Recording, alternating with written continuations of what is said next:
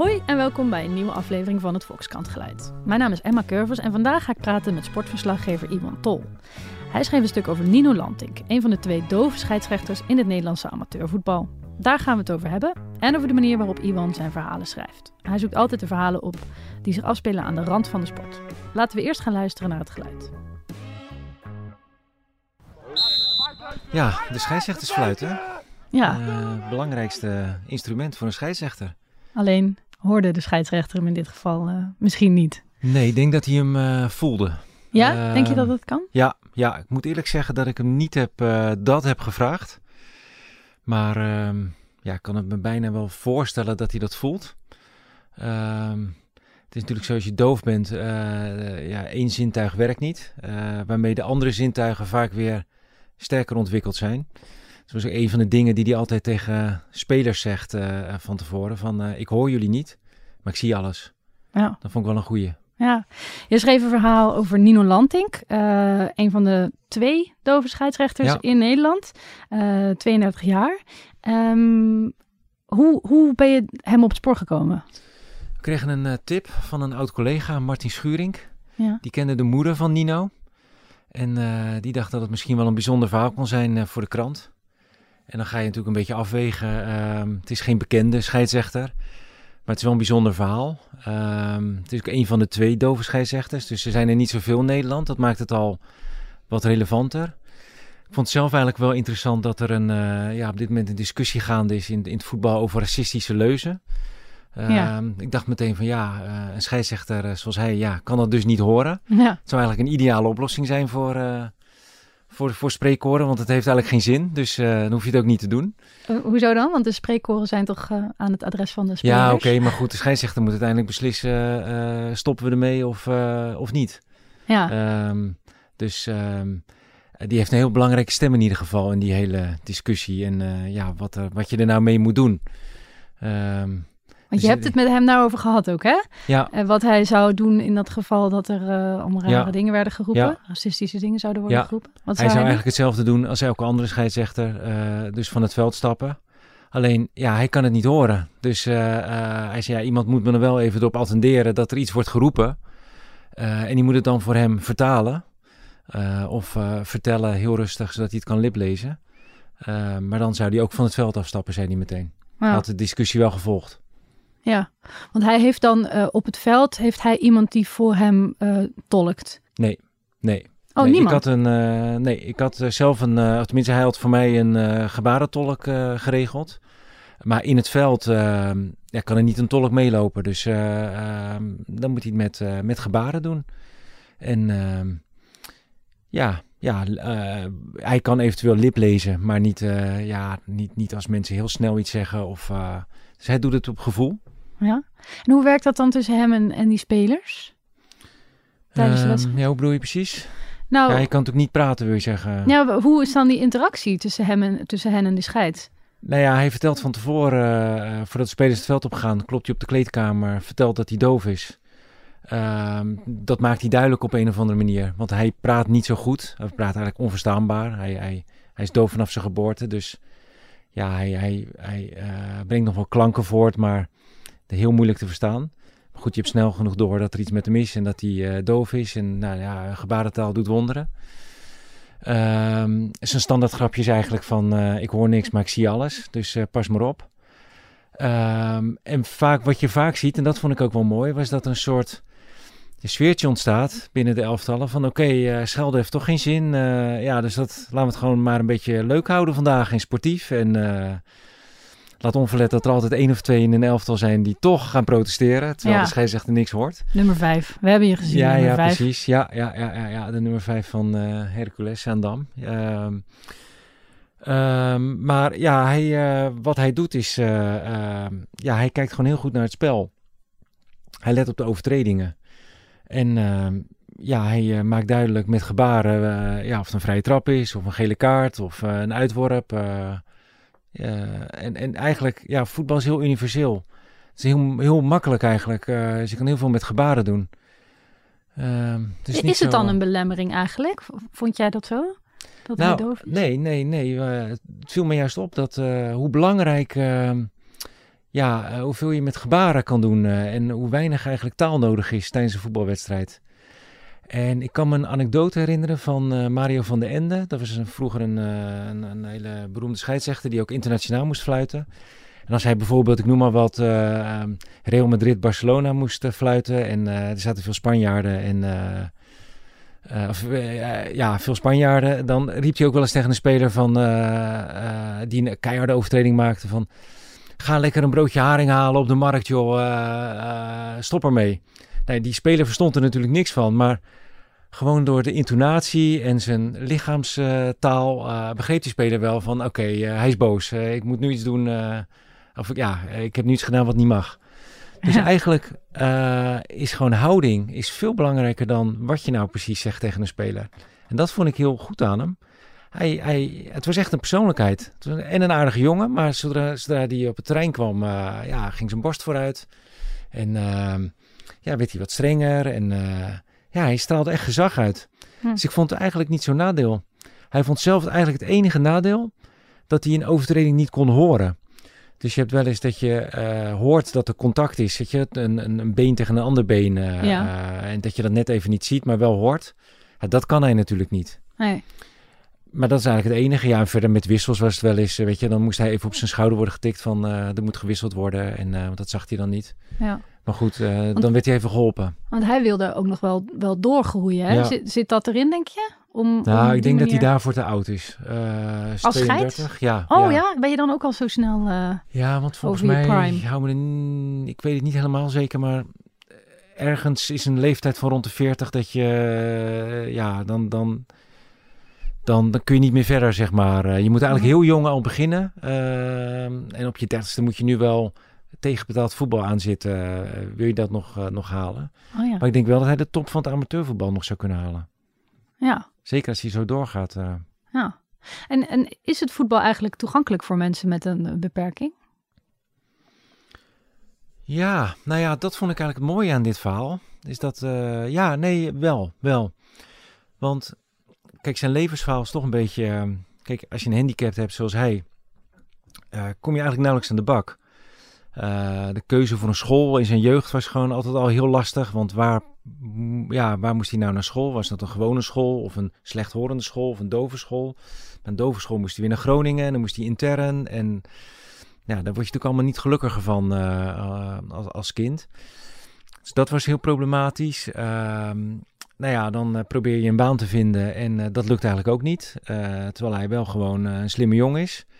Maar ja, je, ja, je gehoor is zo belangrijk dat ja, een werkgever durft het toch niet aan. Uh, dus ja, dan krijg je baantjes als afwasser of krantenbezorger. Uh, dus hij, hij kwam eigenlijk niet aan de bak.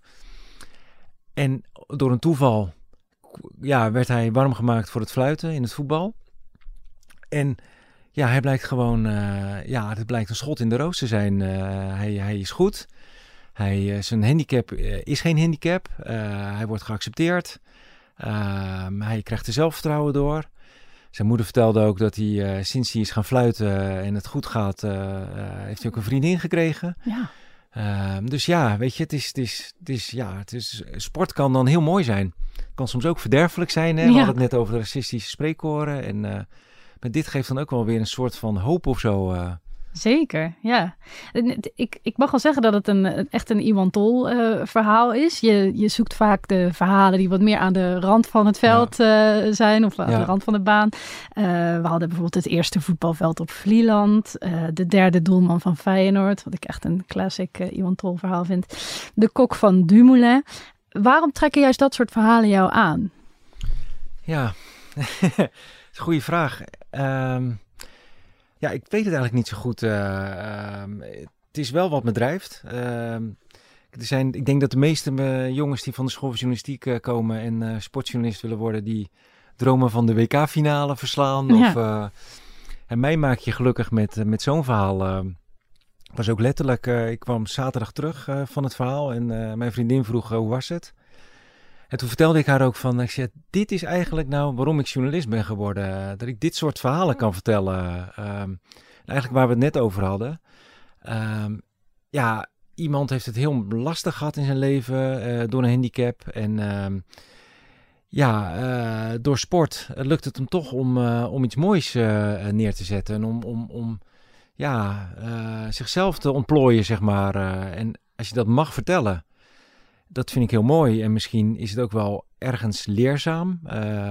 je beseft toch ook wel weer hoe goed je het zelf hebt. En ja, je denkt toch ook, ik kwam terug naar het verhaal en toen dacht ik ook van, god, die jongen was zo positief ook, weet je. Stond zo positief in het leven. Ik dacht van, waar, waar zeuren we toch wel eens om met z'n allen, weet je. Waar maak ik me nou druk om? Uh, en ja, daarom, dat, ja, en, en, en dan mag ik dat ook nog mooi op papier zetten. Ja, dat, dat, ja, dat doe ik gewoon het liefste. Ja.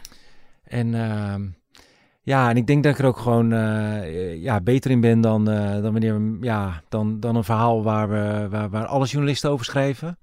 Uh, dus bijvoorbeeld uh, ja, een WK-finale, om het zo maar te zeggen. Ja, hoe kan je daar nou nog onderscheidend in zijn?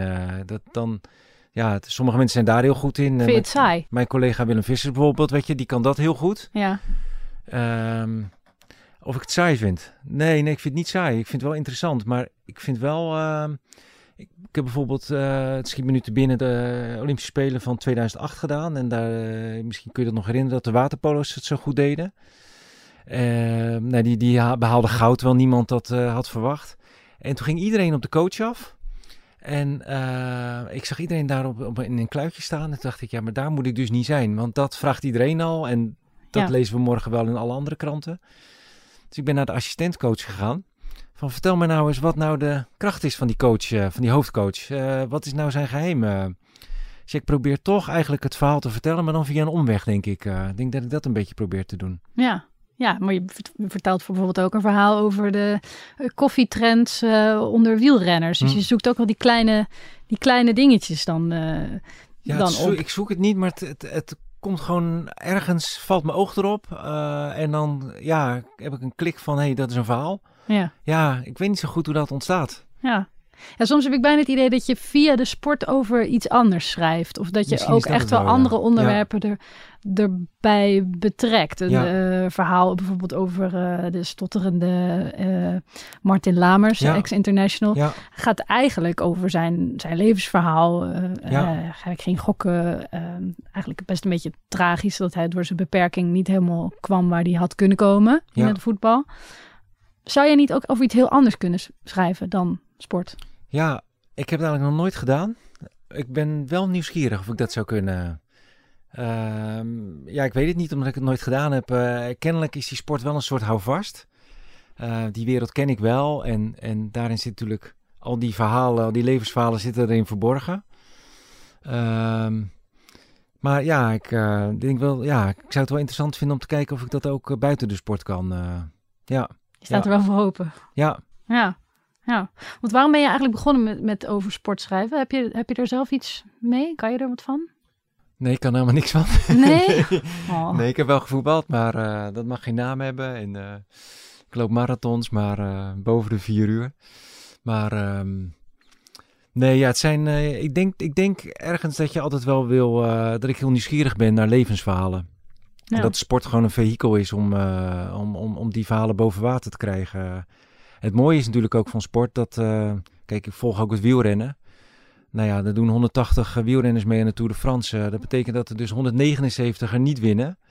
En eentje wel. En ik vind die 179, daar zitten eigenlijk veel meer de verhalen in dan die winnaar. Weet je, dat, dat, dat, ja, dat, dat, die, die, de verliezer trekt me eigenlijk meer. Het gebrek uh, vind ja. ik wel mooi. Uh, bij mensen. Misschien, ja, dat we allemaal ook maar een beetje uh, wat van proberen te maken, weet je. En het lukt niet altijd. En ja. verhaal, ik, ja, de verhalen die ik zelf ook het liefste lees, die geven ook wel een soort troost of zo. Is het dan toch ook omdat het herkenbaar is voor mensen fijn om, om te lezen? Van oh, die, die, die man die het net niet wordt, ja. is natuurlijk eigenlijk misschien wel voor veel meer mensen interessant dan, uh, dan die ene winnaar. Uh, ja, precies. Uh, we willen allemaal die winnaar zijn, maar uh, ja, eigenlijk uh, de meeste zijn er natuurlijk niet. Uh, nee. dus misschien willen we, en ik zelf ook wel, iets van mezelf terugzien in, in, in, in de mensen die het wat moeilijker hebben, of de verliezer. Of um, ja, ik vind, ja, vind het ook interessanter in ieder geval. Je leert daar meer van. Je leert van verliezen, leer je altijd meer dan winnen. Ik denk dat dat het ook wel is. Ja, want je, jij gaat dus eigenlijk liever niet op de winnaar af. Nee, niet per se. Niet per se. nee, nee, Hm. nee. Ehm, nou, het maakt me niet zoveel uit, weet je wel. Ik bedoel, eh, de- deze zomer ga ik ook weer naar de Tour de France. En eh, ik hoop echt dat Tom Dumoulin wint. Maar als hij niet wint, eh, dan, dan is het ook interessant, weet je. Dus dat, dat, ik kijk er vooral journalistiek naar. En Ik vroeg me af, hè, ehm, dat jij meer dit soort verhalen opzoekt. Heeft dat er ook iets mee te maken met dat ehm, veel sporters en, en, en eh, persconferenties heel erg dichtgetimmerd zijn, vol met allerlei mediamensen en PR-bazen? Dat het daardoor eigenlijk minder interessant is geworden om daar naartoe te gaan? Ja, nou ja, ik probeer wel een beetje die laag eraf te krijgen, zeg maar. eh, eh, want uiteindelijk zijn sporters ook maar... eh, ja, we willen ze natuurlijk allemaal als helden zien. En dat zijn ze in zekere zin ook wel. Alleen, ja, als Tom Dumoulin schuldigt voor eh, eh, 30.000 mensen in Maastricht... eh, dan is er ook weer een moment dat hij weer thuis komt bij zijn vrouw. En eh, ja, weet je, dan is hij weer gewoon Tom. En eh, wie, wie, wie is dat dan? Eh, eh, ik probeer toch wel altijd de mens achter de sporter eh, een beetje helder te krijgen. Maar merk je dat het moeilijker is geworden om, eh, om mensen direct te spreken? Ja, ja, absoluut. Ja? Ja, ja, ja, ja. Dat is, eh, ja, dat is bijna onmogelijk geworden. Ehm, ja, Tom Dumoulin, om maar even een voorbeeld te noemen. eh, ja, die is niet gewoon eventjes te bellen. Ehm, misschien wel door het AD en door, eh, door de Telegraaf. Weet je, dat zijn kranten die, waar die misschien nog meer iets aan heeft, zeg maar. eh, ehm, maar ja, de, de- ja nee, die, die kun je niet gewoon meer even spreken. Nee, maar zijn er dan manieren om, voor jou om daaromheen te werken? Ja, nee, zeker. Dat vind ik juist. kijk, die kok van Dumoulin. Dat vond ik juist wel weer heel erg leuk eh, om te doen. Want, eh, Ja, want dat was de even, kok, je, je eh, schreef ja, een verhaal over de man die, een student die al het eten voor Tom Dumoulin Precies. kookt. En Ja. precies uitlegde wat Tom zoal nodig Ja. heeft op een dag. Ja, precies. En aan de hand van zo'n jongen kom je er ook weer achter hoe Dumoulin in elkaar steekt. Is dat nou een aardige jongen? Bedankt. Die, net, het staat me bij van die kok bijvoorbeeld dat, die, dat Dumoulin elke avond keurig eventjes hem bedankt voor het lekkere eten. Ja. Nou, dat vind ik wel iets zeggen, zo'n detail over iemand. eh. Ja, ja, en er was een andere wielrenner die heel erg van tiramisu eh, hield. Dat, dat zijn wel dingen die jou vrolijk maken, heb ik het idee. ja, dat soort ja, details. De details, eh, daar, ja, daar ga ik voor. Ja. ja, ja. Ehm, is dat dan niet ook een beetje irritant voor jou als sportjournalist? Dat, dat, dat clubs ook hun eigen content, zeg ik even de zaakjes, Mhm. zijn gaan maken, zoals eigen filmpjes. Ehm, ja, is dat, is dat vervelend? Nou, nou, ik heb wel een beetje geleerd in de loop der jaren dat. eh, kijk, ik kijk met een bepaalde blik naar sport. En eh, daardoor zullen mij altijd verhalen blijven opvallen, eh, die anderen niet opvallen. Dus ik, ja, weet je, dus ik hoef niet bang te zijn dat anderen met mijn verhaal er vandoor gaan. ja, soms gebeurt dat natuurlijk wel, zoals laatst. Had ik een verhaal gemaakt over ehm, eh, een, een valpartij in de Velta. eh, dat door een, eh, een plas water uit een. een- er was een zwembadje ontploft. en dat water was 500 meter naar beneden gestroomd. Precies waar de renners langskwamen. En ehm, toen was Steven Kruiswijk gevallen. En zijn Velta was daardoor in het water gevallen, Ja. letterlijk. Hij had hem moeten winnen, hè? Hij had hem moeten winnen, ja, ja, ja, ja. En toen was wel een andere journalist ook op hetzelfde verhaal gekomen. Ja, dat kan gebeuren, weet je wel. Maar ja, als ik... Nee, nee, ik ben niet... eh, ik denk niet van, oh shit, nu, eh, nu gaan ze eigen content maken... of nu kan ik mijn verhalen niet meer maken. Dan ga ik eromheen schrijven of... eh, Nee, maar ze hebben jou daardoor misschien minder hard nodig als journalist. nee, ze hebben je eh, totaal niet meer nodig. Nee, nee. Dat, eh, maar dat is misschien ook wel een voordeel. Ja, waarom dan? Nou ja, dan ga je gewoon je eigen gang. Ja, Eh, ik bedoel, alle quotes en eh, de, de voorspelbare quotes en zo, die komen toch wel tot je eh, op een of andere manier. Weet je, die, die, ja, dan kan ik beter mijn eigen verhaal gaan maken. ja. Dat is en voor mezelf leuker en eh, voor de lezer hopelijk leuker. over die eh, derde doelman eh, bijvoorbeeld. Ja, dan ga je met de derde doelman mee. ja. Want hoe, hoe, hoe, hoe leer je dat soort mensen nou kennen? Ga je gewoon rondhangen bij het veld tot je iemand in een hoekje ziet zitten en denkt, hé, hey, wie is dat? Ja, die derde doelman, het is wel een tijdje geleden, dus weet ik niet meer precies hoe dat 2012, nou ontstond. Maar ik dacht laatst wel van Jeroen Zoet, keeper van PSV, eh, die was de basiskeeper bij PSV en die werd opeens derde doelman. Hij werd geen tweede doelman, want dat eh, ja, zou toch een beetje lastig zijn, eh, vond de trainer van Bommel. Want elke keer als de eerste keeper dan een goede redding zou maken, of juist een slechte redding, dan zou de camera hem in beeld nemen. Dus, dus Van Bommel had besloten om hem meteen maar tot derde keeper te degraderen. Toen dacht ik, Oh. hey, nu zou dat verhaal ook wel weer relevant zijn over de derde keeper. Van ja, wat doet een derde keeper nou precies? Wat doet, wat, nou, wat doet hij? Ja, ja, niks. Eigenlijk nooit iets? Is er wel eens een derde Nee, keeper? ik ben toen eh, met de derde keeper van Feyenoord meegegaan. Ja, Ja, dat was geweldig, want eh er kwam eens achter, die doet helemaal niks. nee, En die gaat gewoon om één uur, eh, van, die voelt ook helemaal geen wedstrijdspanning. niets. Hij gaat nee, er gewoon heen. niets. Hij gaat er gewoon heen. Eh, hij, eh, hij kan eigenlijk, eh, ja, gewoon in burger. eh, nou, er ligt dan wel een, eh, een, een keepers eh, tenue voor hem klaar, voor het geval dat. Nou, hij gaat nog wel even de kleedkamer in eh, om eh, iedereen succes te wensen. Maar ja, dan gaat hij op de tribune zitten en eh, hij is om vijf uur weer thuis. En ja, dat is het dan. Ja, je kan zelfs bij een snackbar werken als derde keeper. Ja, hij werkt bij de snackbar van zijn, volgens mij van zijn moeder. Ja. Ja. ja. Maar nu komt er dus misschien toch nog een derde keeper verhaal. Nee, nee, nee, nee. Toen goed? dacht ik van ja, nu had ik het ook wel weer zo'n verhaal kunnen maken. Oh ja, ja, ja. Hoe zie jij de toekomst van de sportverslaggever voor je? Hoe gaat het vak veranderen? Ja, het is wel eh, al heel erg veranderd. Wat je zegt. ehm, ehm, ja, het is heel moeilijk om nog bij de grote sterren te komen. Ehm, je ziet ook dat de ploegen eh, en voetbalclubs, weet je, de, de social media afdeling van eh, Ajax is groter dan de sportredactie van NOS, geloof ik. Zoveel mensen zitten daar inmiddels al. Wow. Sporters hebben natuurlijk ook een eigen platform gekregen. Dus ja, eh, wat dat betreft hebben ze je steeds minder nodig, zou je zeggen. Maar ja, het blijft toch wel behoefte aan, ehm, aan onafhankelijke journalistiek. En aan mooie verhalen en aan goede verhalen. En ehm, ja, in die zin denk ik eh, dat, eh, ja, dat, dat wat er ook gebeurt, weet je, goede, mooie verhalen, eh, daar zal altijd ruimte voor zijn. eh. Maar dan moet je meer je best doen, misschien wel. Ja, je moet wel meer je best doen. Ja. Ja, je best doen. Het is wel steeds eh, moeilijker om, eh, om, eh, ja, om een bijzonder verhaal te maken of iets, iets anders dan anders. Ben je ja. dan toch afhankelijk van, van tips? Of, of hang je gewoon heel veel langs het veld en langs de... Langs de...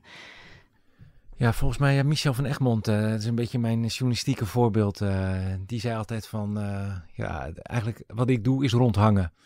Eigenlijk een beetje, een beetje lummelen en dat is toch wel het beste volgens mij. gewoon kijken, je blijven verbazen Ehm, en ehm, ja, soms ook een beetje geluk hebben. Weet je, als ik deze tip van Martin Schuring niet had gekregen, had ik dit verhaal eh, over de dove scheidsrechter ook nooit kunnen maken.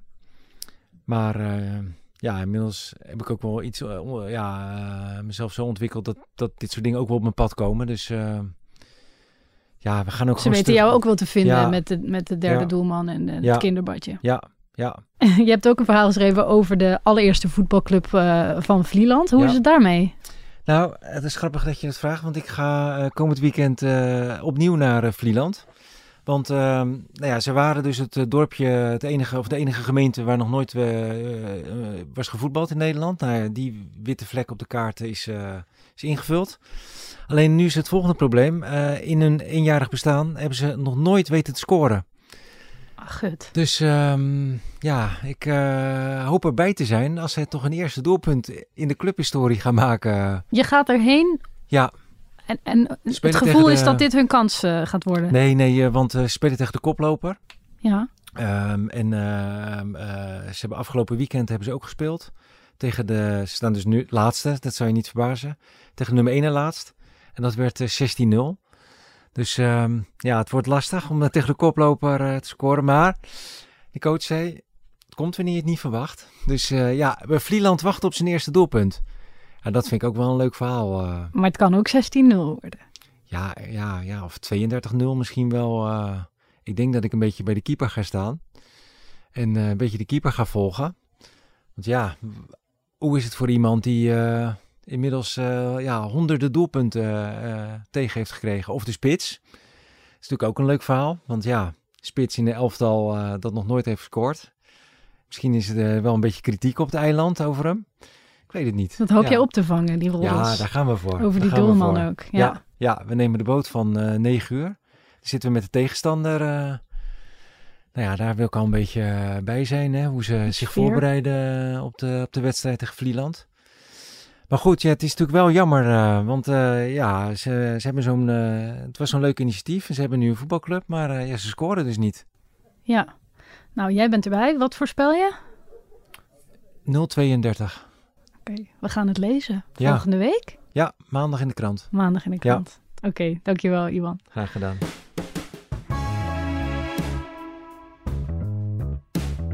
Dit was het Volkskrant Geluid. Hartstikke bedankt voor het luisteren. Vond je het nou een beetje leuk?